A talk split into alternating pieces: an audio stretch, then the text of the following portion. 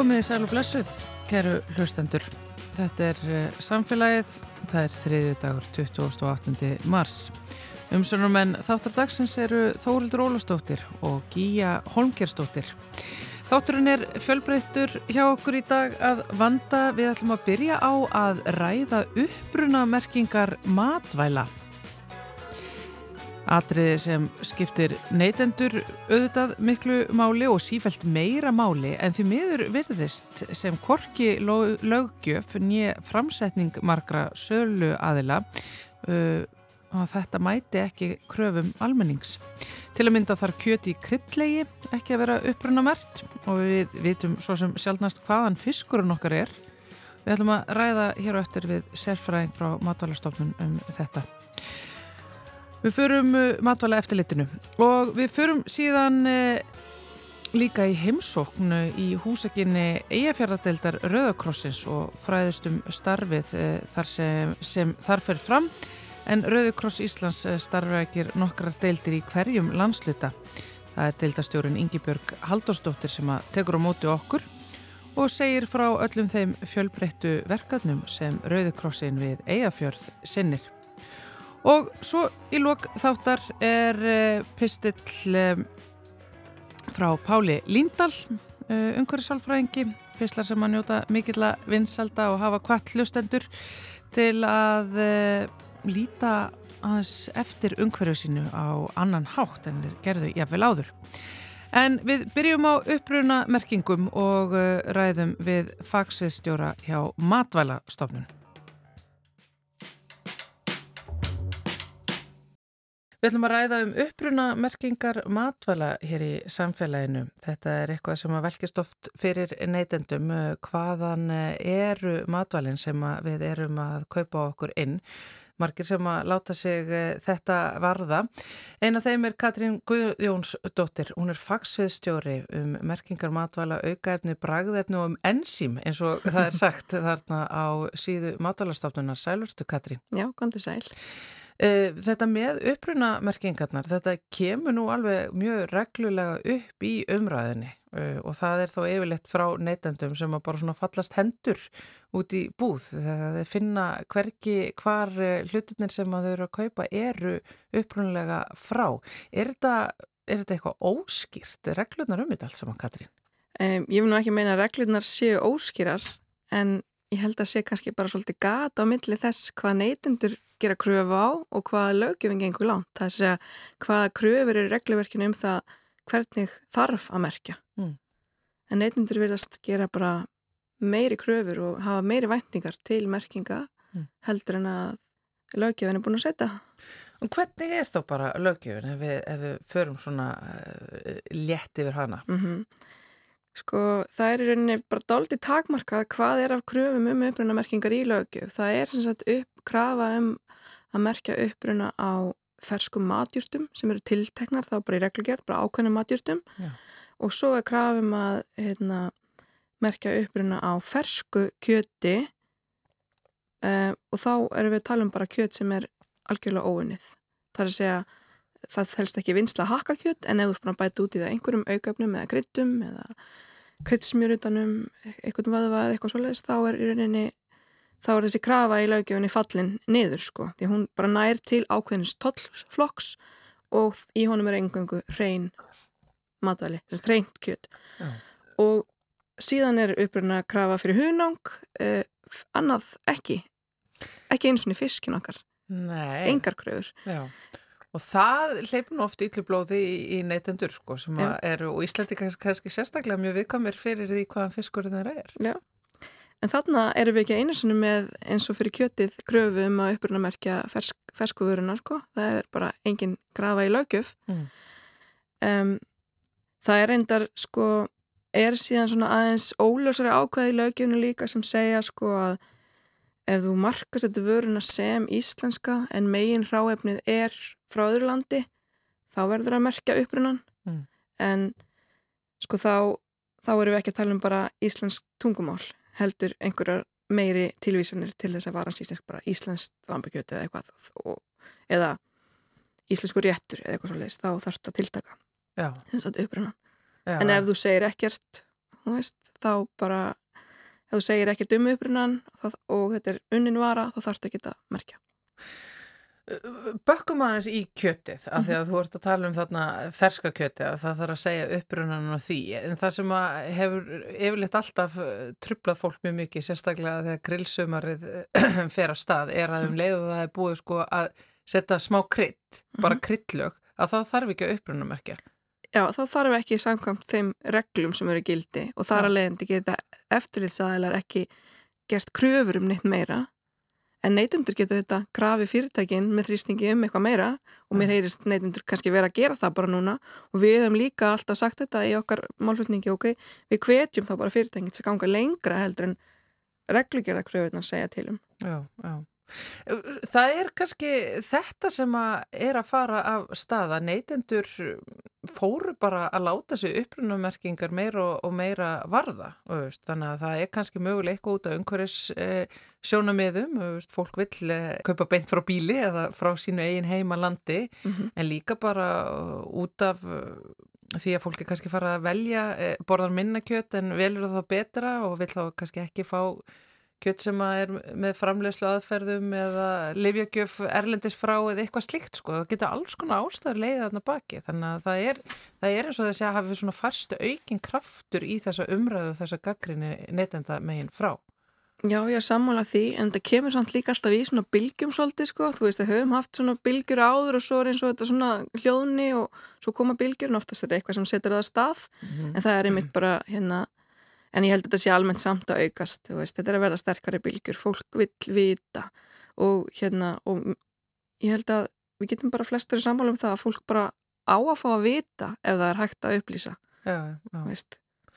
Þetta með kjötið, mér finnst svo aðteglisvert þegar maður fyrir að skoða þetta og flettir þessu upp á samfélagsmiðlum og þá kemur þetta alveg reglulega upp. Og svo verðast sömu framlegendur vera alveg svona sérstaklega já svona Já, bara svona, já, eru, það eru alræmtir framlegendur sem, sem er talað um á sömum neytendasíðum sem einhvern veginn skauta algjörlega framjá því hvaðan kjöttin sem það er með Vistu, kannski einhver staðar á umbúðunum er kannski eins og að sé íslenski fánin þannig að fólk sér það og heldur bara já, þetta er, lítur að vera íslenskt en síðan er þetta bara krillegi nautakjött frá vistu, spáni. Þetta, þetta hleypir yllu blóði í neytendur. Fólku upplifir blekkingar stundum, sér maður bara á, á þessu samfélagsmiðlum. Já, ég, ég, ég skil það hérna, en sérstaklega ef að þú gerir ráð fyrir að sko kröfunar sé eitthvað meira en það eru. Meina, en þannig að það er, eins og sé megin máli en það er auðvitað, það er bíl það, það sem lögjöfinn krefst að sé Já. og það sem neytundur vilja. Og kannski er það einmitt það sem þarf að skoða Stopp upp í lögjöfuna En er það, að því að þú veist, vinnur í þessum málum er það ekkert inn á borði hjá þar til bærum stjórnvöldum og, og, og, og aðlum sem að hafa með þau mál að gera? Það hafa komið hefur komið þrýstingur má taka það fram að það er ráðherra þessara mála sem að matvælar ráðherra sem að myndi þá þurfa að setja slíka reglur og matalstofnum kemur mjög oft að því að vinna svona reglur, skoða mm. hérna fórsöndunar og hversu langt væri hægt að ganga og, og aðstóðar á þeirra í þessu sko. Mm. Um, jú, þetta hefur komið til umtals en við hefum ekki fengið rauninni, við hefum ekki, það hefur ekki farin inn raunveruleg reglugjörðar að vinna á staði eða svo leiðis. Ek, ekki það að það sé komið það langt sko, að það sé einhver drög á borðinu auðvitað er alltaf svolítið verið að býða átekta sagt, á þessum stóra vettvangi bara Evropasambandinu sko Já. og það eru hlutir í gangi þar og það var nú alveg bara fyrst 2013 sem að var gerð svona könnun meðan leitenda bara yfir alla Evrópu á þessu á sagt, hérna, hvort, hvað skipt, hversu mikil, miklu máli skipta þessar upprunamerkingar og það hefur bara verið vinna í gangi við það að skoða hversu langt á það að ganga. Allir við að, erum við að tala bara um einmitt kryllegi kjöt eða erum við að tala um unnar kjöt, kjötafurður eins og pilsur og pepperoni eh, erum við að tala um kjöt sem innhaldsefni í einhverjum blönduðum réttum sem koma sem slíkir. Hversu langt ætlum við að ganga? Og þetta er mjög misflókið fyrir framleiðendur sagt, í framkvæmt Já, já. Þetta Þannig, er svona frumskór, það er rauninni það sem þú ert líka að segja. Já, það, já og líka bara það að, veist, hérna, ef að kröfunar er einhvern veginn í Evrópu þar sem er verið að kaupa vörur að þá fylgir þessi reykjanleiki eftir vil ekki. Og hvernig á þá íslensku framleiðandi að geta komið með hann, skilur Æ, ef við þarna er, þegar við erum að tala um sko hérna vörur sem koma unnar frá öðrum löndum já, já. en aftur á móti fyrir vörur sem koma óunnar hingað ferst kjöt e, frá sem er síðan unni hér í kjötinslum þá átt alveg að vera hægt Já. að láta hennan uppröðan fylgja Já, þannig að það eru, mitt, það eru göttin eru þarna til staður og það er allavega hægt að byrja að stoppa kannski í Já. það sem svona fer mest í tökum. einmitt svona málin Já, sko. já, já. Sko, einmitt varðandi þetta að lögjöfun okkar náttúrulega endurspeglar bara lögjöf annar staðar í Evrópu uh, þannig að við erum ekkert við erum ekkert að láta þetta reka neitt á reyðanum sérstaklega hérna á Íslandi veist, það er alveg að pyrra þeir neytendur hér og, og í Svíþjóð og Þískalandi og Akkurat, sko, hún endurspeglar ekki bara okkar lögjöf, þetta bara er sama lögjöfin, þetta er bara nákvæmlega sami lagabókstafurinn sem er innleitur frá Evropasambandinu, sum lönd eru síðan með viðbótar kröfur einmitt. fyrir sig Já. og það er alveg hægt hér líka en þá þurfum við bara að passa að þær kröfur fari ekki að stangast á við einhverja alþjóðlega skuldbindningar eins og EES-samningin. Já, já, einmitt. Uh, Sko, einmitt þessar svona auka kröfur sem að maður hefur heyrt af frá neytendasamtökum til dæmis annara Norðurlanda, hvað var það þessar upprunamerkingar, þar virðist eh, já, ég kannski bara, ég veit ekki, svona sterkari batteri náttúrulega í stærri löndum um að- takast á við þetta, að það sé bara mjög skýrt og auðlæsilegt á umbúðunum hvar allt sem er inn í þeim er maður veldur fyrir, geta bara normenn gert þetta eða bara svíjar, ættu við, veist, er þetta ekki eitthvað sem við ættum mjög auðvöldlega að- geta sett á, veist, af því að við erum að tala um að stoppa upp í þessi gött sem eru svona kannski mest e, farið taugarnar á, á neytendum?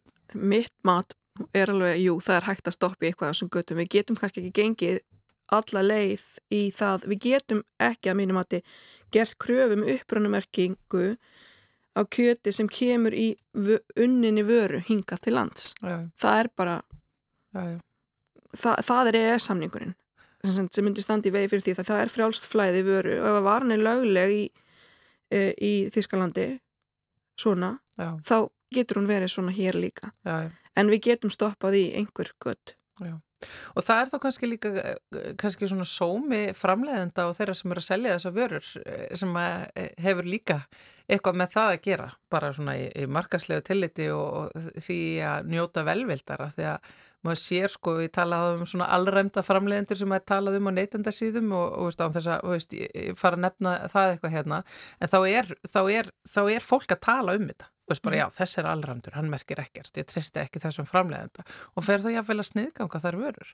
Þannig að sko fólk fer að- kaupa með þe- því hyggju við viti og þú vilt, þú vilt sem uh, söluaðlega ekki enda röngum megin svo sem í, í, í uh, þeim efnum Já, já, þú, því þú talar um alræmda framleiðendur þá langar mér samtalið líka að taka það fram. Það er líka fullt af framleiðendum sem er að merkja umfram það sem kröfur í reg regluverkinu segja til um. vandir virðingu sinni Já, bara, og, og, og, og ég hef fengið líka spurningar upp á síðkasti hérna, einmitt það sem virðist þeirra að enn fleiri ætli í þessa átt sko, þú veist, Já. en vilja þá kannski vita nákvæmlega veist, hvernig þarf ég þá að gera það og svona, þannig að Þannig myndur þú segja þá Katrín að það sé ríkur vilji hér á, á Íslandi meðal framleiðenda og sölu aðeinslega hafa bara allt upp á borðum. ég held að sé meðal flestra Já, en auðvitað hérna er alltaf einhverju sem að finnst ágætt að, að bara að þið geti spila eftir reglunum sem eru bara ekki nógu góðar en þeir eru samt alveg lagalega réttum megin við strikið. já, einmitt. Þetta er svona, þetta löglegt og siðlust Já, sem, eh, sem þetta hefur stundu verið kallað. einmitt, já, já. Eh, Þú segir einmitt að þetta er í rauninni bara und, undir eh, nokkrum uh, matvælum. Það er, það er kjötið, það er fiskurinn, það er hunangið og svo kryddjurtirnar. Bara aðeins varðandi að þegar við tölum aðeins um fiskin á þann og það er rauninni uh, litlar sem engar kröfur þá og íslendikar eru náttúrulega sáralindir yfir fisknum sínum mm -hmm. að því að við erum fiski þjóð og, og, og hérna erum eru daldur fyrir það að borða góðan fisk. En er það þá bara sem sagt þannig að ég get fengið ferst ísuflaki í hendurnar og ég veit ekkert hvaðan það kemur? Já, þú getur ekki allavega að vera viss um hvaðan það kemur. Ég minna það er enginn sem að, það þarf ekki að merkja það. Nei. Uh, auðvitað er kannski mestur hluti þess fisk sem er að markaði hérna þá eru, ef við erum að tala um svona ísu og þorsku eitthvað, er íslensku. Getur leitaði líkum. Já, líklegt, en það er ekki víst og ég minna ef þú horfir á eitthvað annað en bara fisk, ef þú horfir á hérna humar og rækju og eitthvað svona, hvað með það? Já, já. Þannig eru komna meiri líkur að þetta sé ekki hér veitt. Já, Þannig að þar er engin krafa um að merkja upprunan nema þú ert einhvern veginn sérstaklega að gefa því skina að þetta sé íslensk vara. já. Þá þarf þetta upp, merkja upprunan. Stefán Gíslason sem er með umhverfspisla hér í samfélaginu reglulega hefur mikið talað um risarækjur og, og uh, mengandi eldi á þeim sem að er uh, alveg svakalegt að heyra af og, og varum þetta ræðum að hann hefði einhver staðar heyrt af því að það væri verið að selja íslenska risarækjur sem er ekki til af því að það er ekki risarækjur eldi á Íslandi og, og þannig að það væri ekki hægt að kalla þær íslenskar nema náttúrulega þær séu fluttar náttúrulega þarna frá Asíu og síðan bara pakkað inn á Íslandi sem að gera þær alls ekki ísla, íslenskar. Það var einhvern veginn allt rámt við eh, hérna, þessa, eh, þessa vöru var hann að benda á. Þetta er í praxis hægt að gera. Já, já.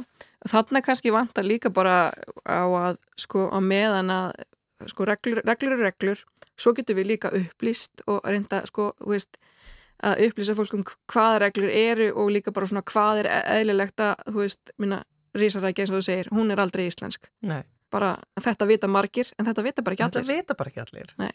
Þannig að það er svo auðvelt í rauninni að selja okkur eitthvað, láta okkur fá eitthvað sem við bara tökum gott og gilt. Já, ég meina risarækja bara í hérna ösku frá íslenskum framleiðanda og, og hérna, og það stendur bara innihald risarækja og svo er bara eitthvað samþykisnúmer frá starfstöð hér en ég meina það, Og íslenski fánin í, í fæl. í, já, þá ertu reynda komin út í það að mínu mati, þegar ert með íslenska fánan þá verður að merkja upprunan, annars ertu bara að villa um Já, já. viljandi. Hann er ekki skraut. Já, hann er einhvers konar, hérna, einhvers konar, þú ert að gefa í skinn eitthvað, þetta Já. er, já. En þetta er svona, veist, þetta er bara raun, raunverulegt dæmi Já, já, um hvernig já, hérna hlutuðin geta verið sem við mætum í, út í búð.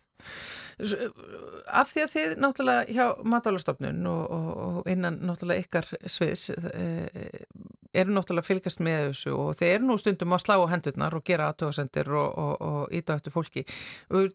Fáið þið e, nógu mikið rými til eftirlits, e, getið þið gengið nógu hart fram, e, þarf að, að myndur vilja einhvern veginn byggja meira, undirbyggja það betur sem að, að þið eruð að, að gera og, og eigið að sinna. Það er alltaf þess að stór spurningan ég ætla bara svarin er snút frá þessu málefni sem við erum að ræða hér ég held að vandamáli hér sé fyrst og fremst að bara reglurnar er ekki það strangar Já, það sem reglurnar segja það getur við, við sagt, skoðað og gert aðtöðasemdir við og krafist úrbóta og það gengur yfirleitt bara nokkuð vel að, að koma því áfram sko.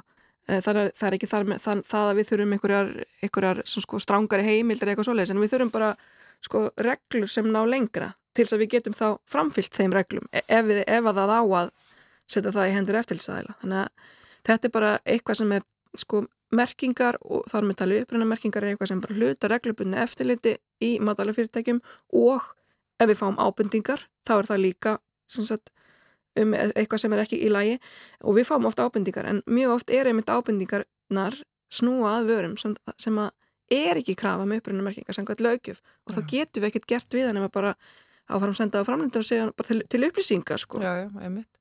En svo er líka náttúrulega, eins og segi, það hægt að, e, fara með þetta bara á internetið og, og láta framleiðendurnar og söluðalina setja upp með skömmuna. Það er náttúrulega það sem neytundur bara Það það sem geta gert og er að gera. Já, e, sko Katrín, þú persónulega sem neytandi þegar þú fer út í búur og þú kaupir inn fyrir þig og fjölskylduna og þannig verandi að velkjast um í þessum heimi og, og, og eins og þú sagðir að það veit ekki allir allt sko en þú veist ímislegt ímislegt, þú þekkir, þekkir þessi mál.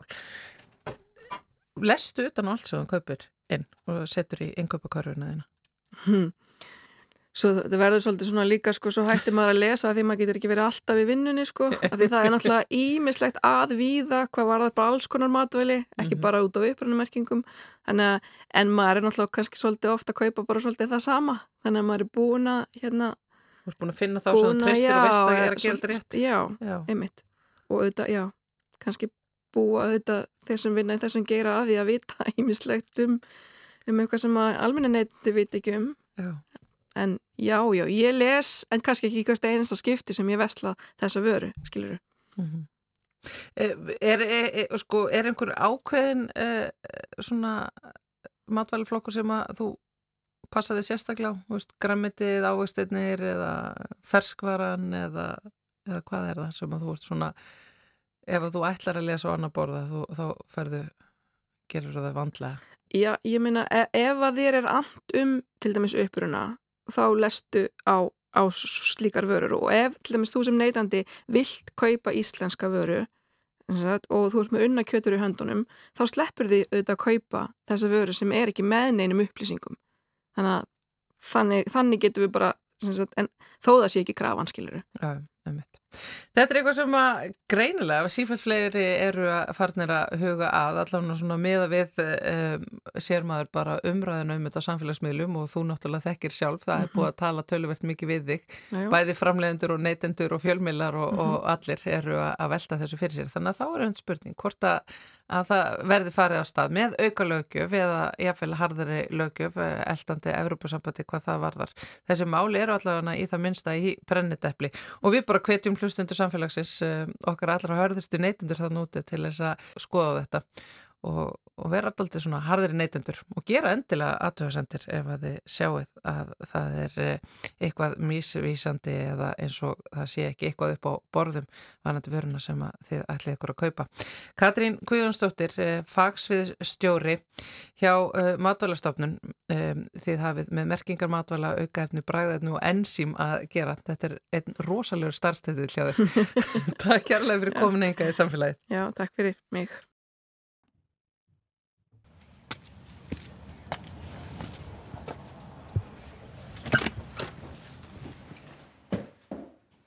Og nú er ég komin hérna í húsakynni Eyjafjörðadeildar Rauðakrossins uh, og hjá mér stendur uh, deildarstjóri uh, Eyjafjörðadeildarinnar Ingi Björg Haldurstóttir. Gótt er sæl Ingi Björg. Já sæl, takk fyrir og verður velkomin til okkar. Þetta hús, við skulum aðeins byrja á því um, út af því að við erum í götur sem heitir Viðjulundur og Lundur var ekki fjós hérna? Jú, þetta er hérna gammal bara sveitabær í rauninni hér.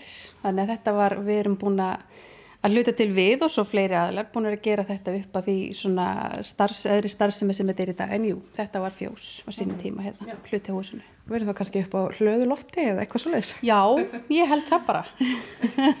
eitthvað svo leiðis. en uh, við erum hérna á efri hæðinni eins og ég segi og, og hér eru alls konar rými, skrifstofur og salur. Segð með svona stuttlega bara í byrjun frá svona þessari starfsefn ekkar. Já, hérna á efri hæðinni. Hérna eru sagt, um, starfsmenn, deildarannar með aðsettur að hluta til. Svo erum við bara, við erum sagt, með kennslusalinn okkar, hérna, minni kennslusalinn, líka hérna á öfri hæðinni. Við notum hann undir bara skyndihjálpanámskeið, fræðslu og, og svona bara alls konar viðbyrði. Og svo er náttúrulega hjertað í húsinu, það er kaffistofan. Já. Hún er hérna á öfri hæðinni og þetta er alveg sem við köllum svona hjartað í húsinu hjá okkur, hér leysast heimsmálinn. Já, er það ekki? það er nú oft sem að, að svoleiðis gerist á, á kaffistofum. Eh, en svo eru þið með stærri líka viðburðar sal hérna við hlýðin á. Já, erum, það er í rauninni mjög mikið að gera hjá okkur í skyndihjálpa kennslu og bara fræðslu til sjálfbóðliða, skjólstæðinga og bara hérna, já, almennt. Þannig að það var tekinni nótkunn stærri salur 2016 langar með að segja og hann er bara í mjög mikilinn notkun, sérstaklega í tengslu við skyndihjálpina hjá okkur. Mm -hmm. um, hvað eru svona margi fastir starfsmenn sem að starfa hjá eigafjörðadeildinni? Já, við erum, við erum fimm hérna núna í fjórum stöðugildum og svo er starfsmöður landskrifstofu með aðsettur hérna í húsinu hjá okkur. Um, sérst, hún starfar í neðavörnum. Svo erum við náttúrulega með um, fjöld fjöldan allan að verktökum, við langar að segja hátt í 15 manns sem að sinna skyndi hjálpakennslu og frúragnniði. Og svo eru sjálfbóðaliðarnir, ekki mánu að glemja þeim. Hvað eru þeir margir svona á þessu svæði, cirka bát? Einmitt, sjálfbóðaliðarnir eru náttúrulega hjarta í þessari starfsemi. Sko við, hérna, starfsmenn hér á launaskrá myndum lítið gera ef við varum ekki með sjálfbóðaliðan okkar. Um, og þau eru á starfsvæðin okkar núna í rúmlega 300 í 300 og tæplega 70 svona sem við köllum verkefna gildum eða þá í rauninni að það er hérna ákveðin hópi sjálfbóla sem sinnir fleiri en einu verkefni. Þannig að þetta er náttúrulega mannuður, það er sjálfbóliðanir. Sko, þetta kallast eigafjörðardeild Rauðakrossins. Hvað nær þetta yfir eh, stórt svæði þessi deild? Já, hún hérna 2013 þá voru saminnaðar fjórar deildir. Það var sem sagt hérna Ólafsfjörður og Siglufjörður, Dalvík og Akureyri og við störfum frá uh, Siglufjörði yfir á Greinivík. Þannig að við erum með mjög stórt svæði hérna hjá okkur sem við erum að sinna. Það eru hérna gluggar á, á kaffestofun ykkar og það er verið að móka hérna fullu snjó úti, því líkar vinnuvjölar í gangi, en svo sé ég glitt í annan glugga Já. sem að mér skilst að sé skrifstofunni. Já. Það var trillað þánga einn. Já, verður það. Er ennþá stórvirku vinnuvjölarnar fyrir utan, en svo eru þessi gámar sem ég sá hérna á leiðinni. Um, það eru auðvitað þessi fatasöfnun sem er opuslega mikilvæg fyrir Rauðakrossin og við fáum okkur hérna sæti og mm. volið hugulegt hjá okkur þetta er yndislegt útsinni hérna yfir í vaðalaheðina en mér langar að spyrja það sem fatasöfnuna mm -hmm. hvernig er þetta framkvæmt hérna hjá ykkur? Já, ummitt uh, sko við erum með uh, fatagáma bæði á Siglufyrði Ólarsfyrði, Dalvík og Akureyri. Og í rauninni er semstu flokkumfötinn sem koma í gámana. Hérna, bæ, það er flokkað á Jólasfyrði og Dalvík og hér.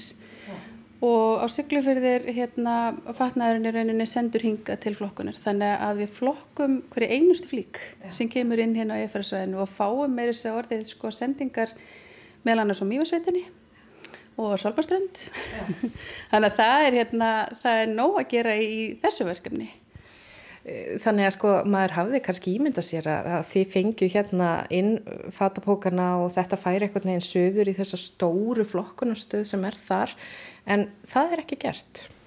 Nei, það er ekki. Við erum í rauninni bara alveg sjálfbær í þessu verkefni hér og erum það náttúrulega að því að við erum með alveg gríðarlega öflög sjálfbálega mm. sem að bara hérna sinna þessu afskaplega vel og það sem við getum gert núna að fyrst að við náum að sinna þessu verkefni svona, við erum farin að þjónusta aðrar verslanir Rauðakrossins utan okkar dildastarsveðis meðal annars Blöndós og hérna, Húsavík, uh, Þórsöp og stundum Eilstæði. Þá erum við farin að senda í rauninni fatasendingar í þerra verslanir hérðan. Þá langum við að spyrja um svona magnið sem kemur inn hér af fötum. Ertu með það svona á taktiranum?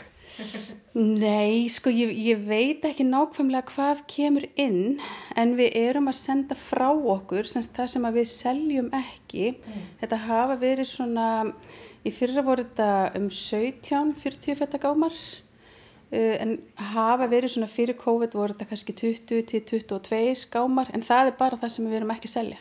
Svo náttúrulega seljum við alveg greiðalegt magn og eins og ég segi sendum frá okkur þannig að Ég, ég, ég þú er ekki skjótað en það er mikið.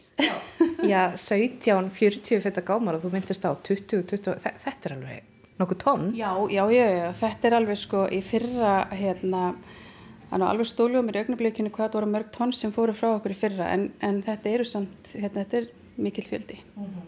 uh, út í annað, þú myndist á að, að, að hér eru margir sjálfbúðarlegar og, og það eru ólík verkefni sem þeir eru hérna með á ykkar konnu mér dettur í huga að minnast á sko eins og það heit alltaf áfallateimi maður heyrir alltaf um áfallateimi Rauðakrossins sem að heiti núna uh, viðbraksteimi Rauðakrossins maður ímynda sig kannski að þetta sé rúta af einhverjum sérfræðingum á sunnan sem að bruna á þá staði sem að, sem að þörfur á. En, en það er kannski ekki svo hvernig takir þið þátt í, í til dæmis verkefnum eins og þessum?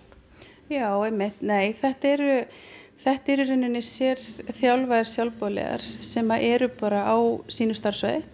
Þannig að við erum með hóp hér á Akureyri og svo er reyndar svona einstaka einstaklingar á öðrum, hérna, úr öðrum, hvað maður segja, hérna, í kringum okkur á starfsveðinu samt sem áður og þau eru gerðnar að koma inn í teimi kannski vegna sinna sér þekkingar, hafa einhvern bakgrunn sem að hérna, stiður við það að þau sé, geti verið í teiminu og sinn þessari það sem við köllum sálanum stuðningi. Um, þannig að þetta eru teimi sem eru orðin starfrækt held ég allavega fjórum með fimm stöðum á landinu og hérna en þau starfa hins vegar þvert á starfsveiði. Við erum alveg að senda og ég náli nefnt það að við erum til dæmis með tvo sjálfbólega úr þessari deilt hérna eða deilt sem að fóru austur í gær vegna snjóflóða fyrir austan. Þannig að þessi teimi eiga það alveg til að, að starfa þvert á starfsvæði. Mm -hmm. Hver eru svona fleiri verkefni sem þið sinni hérna á eigafjörðadeildinni hjá Rauðakrossinu? Já, einmitt, við erum alveg í fjölmörgum verkefnum. Við erum meðal annars hérna í frúragniði Eh, sérst sinnum hérna frá Ragnir og við erum með hérna útibú af hjálparsímanum 1717 mm. og svo erum við í flóttamannuverkefnum það sem að hérna og þau eru náttúrulega mjög umfangsmikil hjá okkur núna um, um þessa myndir sérstaklega og við erum í vinaverkefnum, heimsúknum vinnum með hundavinni og, og með vinaverkefni í Jólasverði og um, já, svo náttúrulega sinnum við skyndihjálp og við erum partur af hérna velferðsjónum og hérna um prjónahóp og já, bara alls konar. Eins og eiginlega er svolítið svona með Rauðakrossin þetta er rosalega viðfemt sömverkefni eru á stórum skala önnur svona einmitt eins og prjónahópur kannski hérna uh, minniskali en, en samt þetta ég get ímynda mér að það séu mjög miklu prjónara hérna sem framlega mikið. En mér langar að tala hans um frú Ragnæði þetta er þetta skadaminkunar verkefni í andaverkefnisins hjá Rauðakrossunum fyrir sunnan. Um, já, hvernig hefur þetta verkefni verið nýtt af skjólstæðingum hér? Mm -hmm. um, verkefni hófst hjá okkur í janúar 2018 og síðan þá má í rauninni segja að verkefni hafi vaksið frá árið til árs. Á síðasta árið þá var 100% aukning í verkefnið, semst fjöldi þeirra skjólstæðingar sem sóttu í verkefnið og hérna og við í rauninni teljum ástæðan að vera bara þá að fólk treystir okkur orðið betur. Það tekur ávalt tíma að byggja upp svona verkefni af því að þetta verkefni til þess að geta syndi að þá bara tröstir algjör grundvallar hérna, bara megin stóð mér langar aðeins, þú talaður um að 100% aukning hafi verið í fyrra mm. og segir þetta er nefnilega ansi þá mikil aukning, 100% aukning. En það er ekki fleiri sem er að nýta sér þetta heldur, þú segir tröstið um, hvernig gengur að reyka þetta? Fáið þið að styrkjum inn eða, eða sko þetta lítur að vera eitthvað sem þarf svolítið svona mikil stöðning til þess að, að svona batteri í gangi? Já, þetta er sko þegar að, að verður svona mikil aukning í svona verkefni að þá verða í rauninni, þá verður verkefnið mjög hrætt, mun svona, hvað maður segja, kostnaða samara vegna þess að þarna eru við að útdeila búnaði sem er dýr. Um, en hérna þetta verkefni hefur í rauninni ekki hingað til verið á förstum framlögum á styrkjum en við höfum hins vegar að hluta til í fyrra 2022 þá fekk verkefni styrki frá Súkrutringum Íslands og við svona bindum fyrir sérst helbriðs hlutaverkefnisins en verkefni er í rauninni annars vegar helbriðs tengt og hins vegar félagslega, félagslega ástof.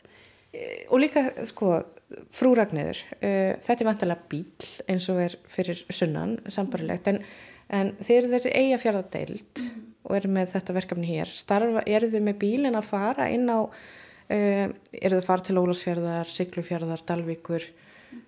og Grenivík, uh, eða er þetta bundi við Akureyrarsvæðið? Mm. Uh, vaktinnar hafa hinga til að mestu verið bundnar við akkuræðarsvæðið en hins vegar er mikill vilji til þess innan verkefnisins að fara að útvika hérna, þjónustu svæði þar sem það er rauninni það væri þá skipular vaktir mm. en ég veit alveg að sjálfbóðlegarnir í verkefninu hafa hins vegar alveg brúðist við beðnum veist, frá öðrum svæðum í kringum okkur en mér langar líka bara að nefna að þetta er verkefni sem að nýtur mjög mikillar velvildar í samfélaginu. Þannig að við höfum alveg verið hvað maður segja heppin eða, eða, hérna, eða noti þess upp á svona reksturuna verkefninu að það hefur gerðan fengið styrki.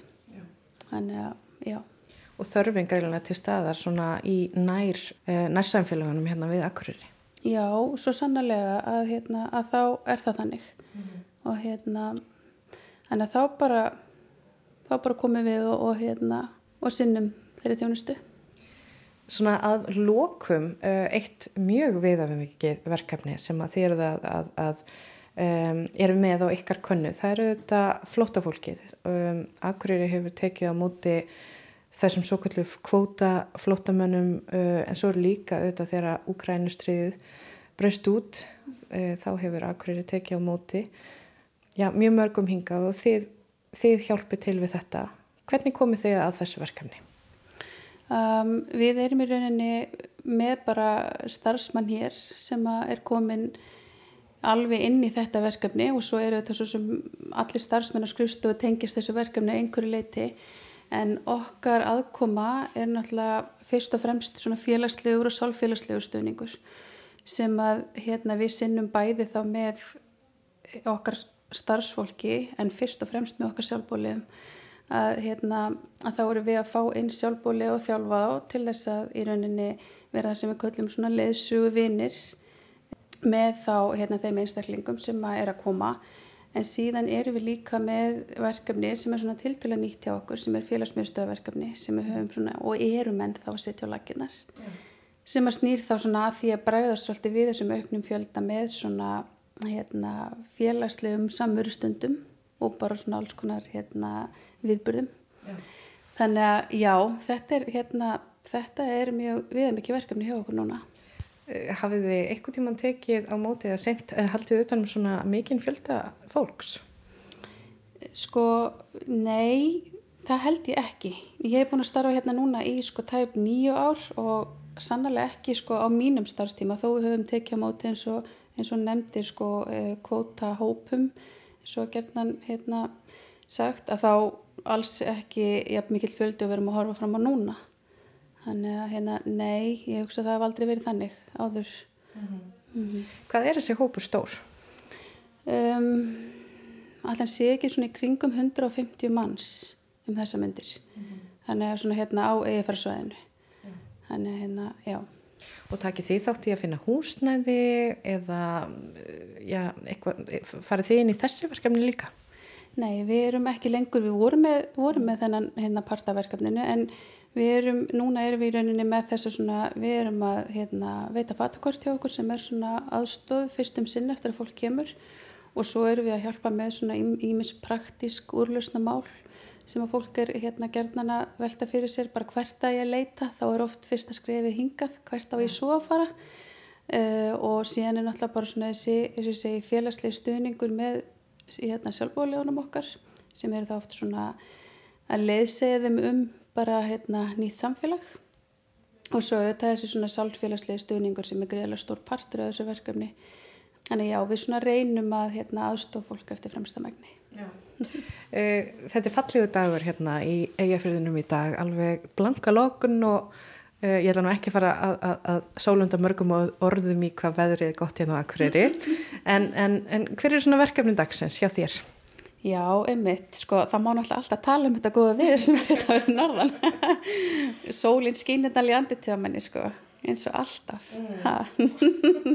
uh, Verkefni dagsins eru svolítið bara um, ég er búin að sitja hérna í morgun og fara bara eins yfir tölvuposti minn, ég er nýkomin heim af hérna var um helgina á neyðavarnarþingi sem var á Reykjumir útafyrði þar sem við vorum 8-10 frá Rauðakrossunum, sjálfbóliðar og stafsfólk. Þannig ég er svona eiginlega að starta minni viku núna á þriði deg og ég er bara að fara að fara yfir póstið minn og það er hérna skyndihjálpanámski í gangi í húsinu og ég er að skipilegja fleiri námski í vikunni og það eru fundir í flótamannamálum og, og svo bara verður maður líka eins að njóta við sem held ég kikið gungutúru eftir og svona. Já, það er alltaf nöðsilegt. Eh, takk fyrir að taka á mótið mér hérna í húsnæði ykkar hjá Eyjafjörðadeild Rauðakrossins. Eh, Ingi Björg Haldósdóttir deildastjóri og gangi ykkur vel í öllum ykkar störfum. Takk helga fyrir. Þá er komið að förstum lið hérna hjá okkur í samfélaginu. Pál Lindahl, umhverfis sálfræðingur, flytur okkur nú sinn pistil. Fyrir tæplega 20 árum fekk ég vinnu við að sapna gögnum fyrir rannsókn sem bar heitið Reykjavík 80+.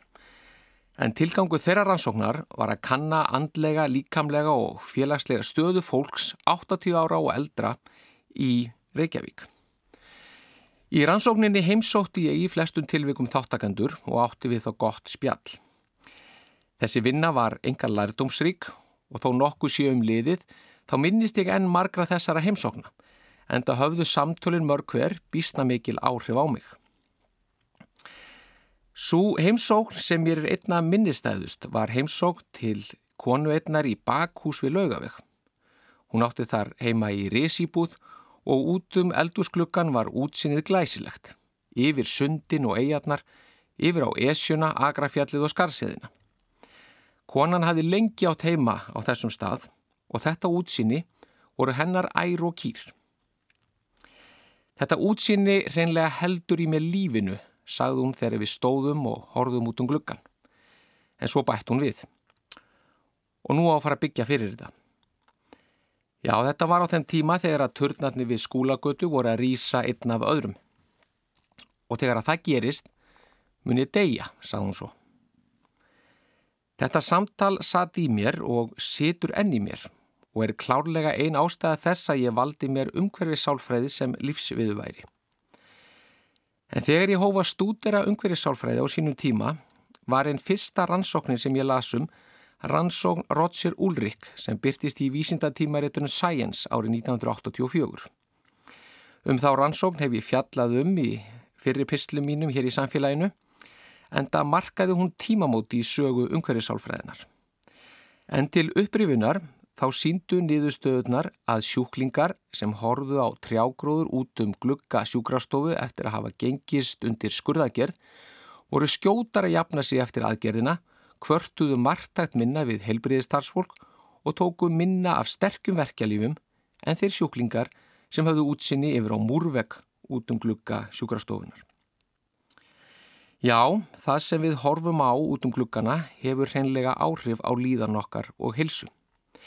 Í þessu samengi er líka áhugavert að rifja upp rannsók frá Noregi sem byrtist í tímaritinu Clinical Rehabilitation árið 2012. Þáttagendur í rannsókninni voru einstaklingar sem glimdu við heilsufarslegar áskoranir tengdum hjarta og lungum og hafðu fengið bóðum fjögur að vikna dvöl á endurhæfingastöð. Á endurhæfingastöðunni hafði hver einstaklingur sitt prívat söfnherbergi.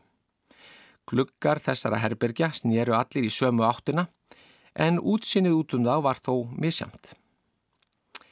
Út um glugga sumraherbergja blasti við glæsilegt útsinni yfir nálegar sveitir, dalu og fjöll. Í öðrum herbyggjum var þetta glæsilega útsinni skert að hluta til af öðrum byggingum endurhæfingastöðarinnar og í enn öðrum herbergjum hindruðu byggingarnar alfarið hið glæsta útsinni. Rannsakendur höfðu áhuga því að kanna hvort þeir gætu rent frekari stóðum undir niðurstöður Úlrik frá 1984 um að ólíkt útsinni geti haft ólík heilsufarslega áhrif í förmið sér. Niðurstöðunar síndu skýran mun millir þess útsinni sem herbygginn buð upp á og ánæju dvalargjasta. Á þann hátt að þeir aðilar sem byggu á herbyggjum með óhindrað útsinni yfir nærligjandi sveitir voru ánæðastir en þeir sem horfðu einungis yfir á nærlíkjandi byggingar voru óanaðastir. Sömuleiðis ítti hið óskjarta og glæsta útsýni frekar undir dvöl fólks inn á herbergjónum sem gaf þeim aukið tækifæri til að kvíla sig og hlaða batterín sem þá aftur ítti undir bætta hilsu. Það móti segja að niðurstöðunar hafi stutt príðilega við niðurstöður Úlriks. Kynjamunur kom einnig fram í þessari rannsókn þar sem útsinni yfir nærleikjandi byggingar virtist hafa neikvæð áhrif á karlmenn en ekki konur. Á hinbóginn hafði óhindrað útsinni yfir náttúru og fulltrúa hennar sífelt betri áhrif á líkamlega heilsu kvenna eftir því sem þær dvöldu lengur á endurhæfingastöðinni.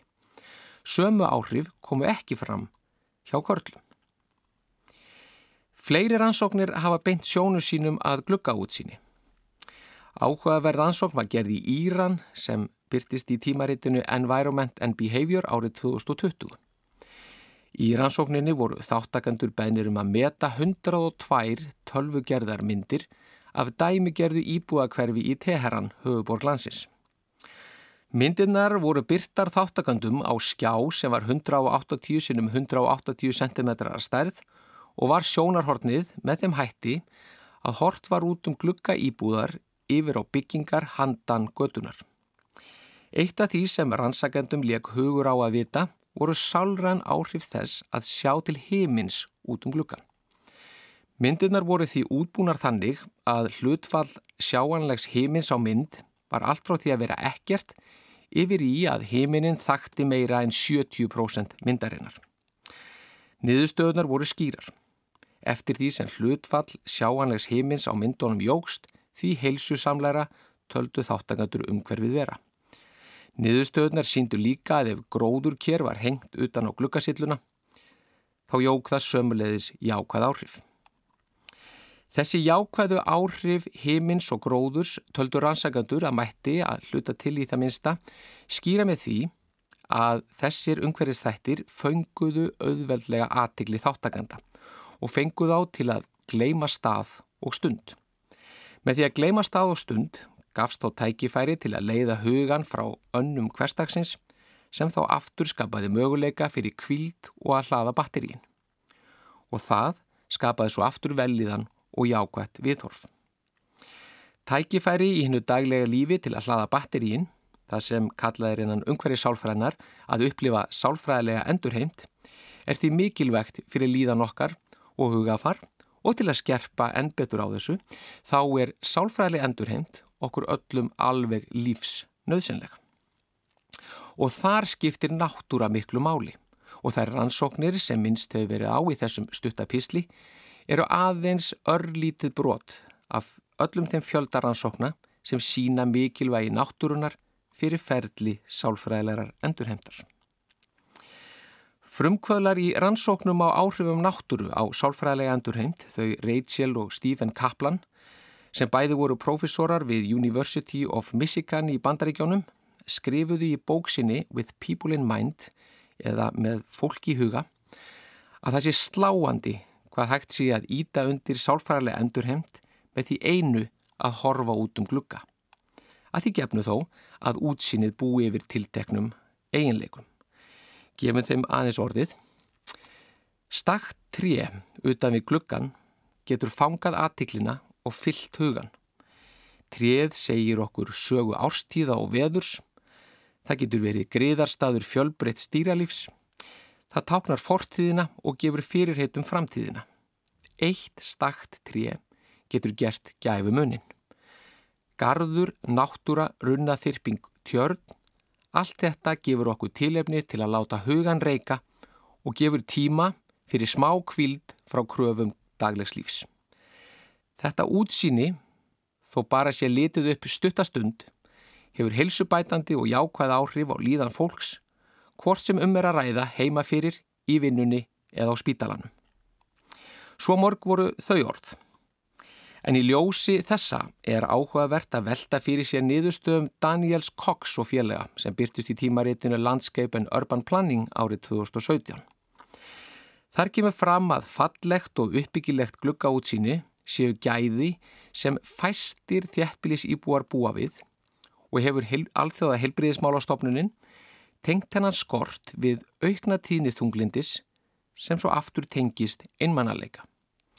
Þjettbílis íbúum fjölgar hratt, svo mikilvægi þessara niðurstaðna er ótvírætt og stopnun einmannaleika ráðunitis í löndum á borðið Breitland og Japan segir sitt um það hvert við erum að stefna. Við höfum til alls að vinna að huga vel að aðtöruðum eins og útsinni út um glugga og það sem meira er Við getum alveg stjórna því hvernig umhverfið við hönnum, skipulegjum og byggjum. Með öðrum orðum, þetta er alfarið í okkar höndum. Þannig að þetta er næst. Svo sannanlega Pall Líndal, umhverfisálfræðingur, líkur þarna sínum pysli og uh, með þessum pysli líkur líka samfélaginu í dag. Uh, við verum hér aftur á sama tíma á morgun Þanga til, verið þið sæl.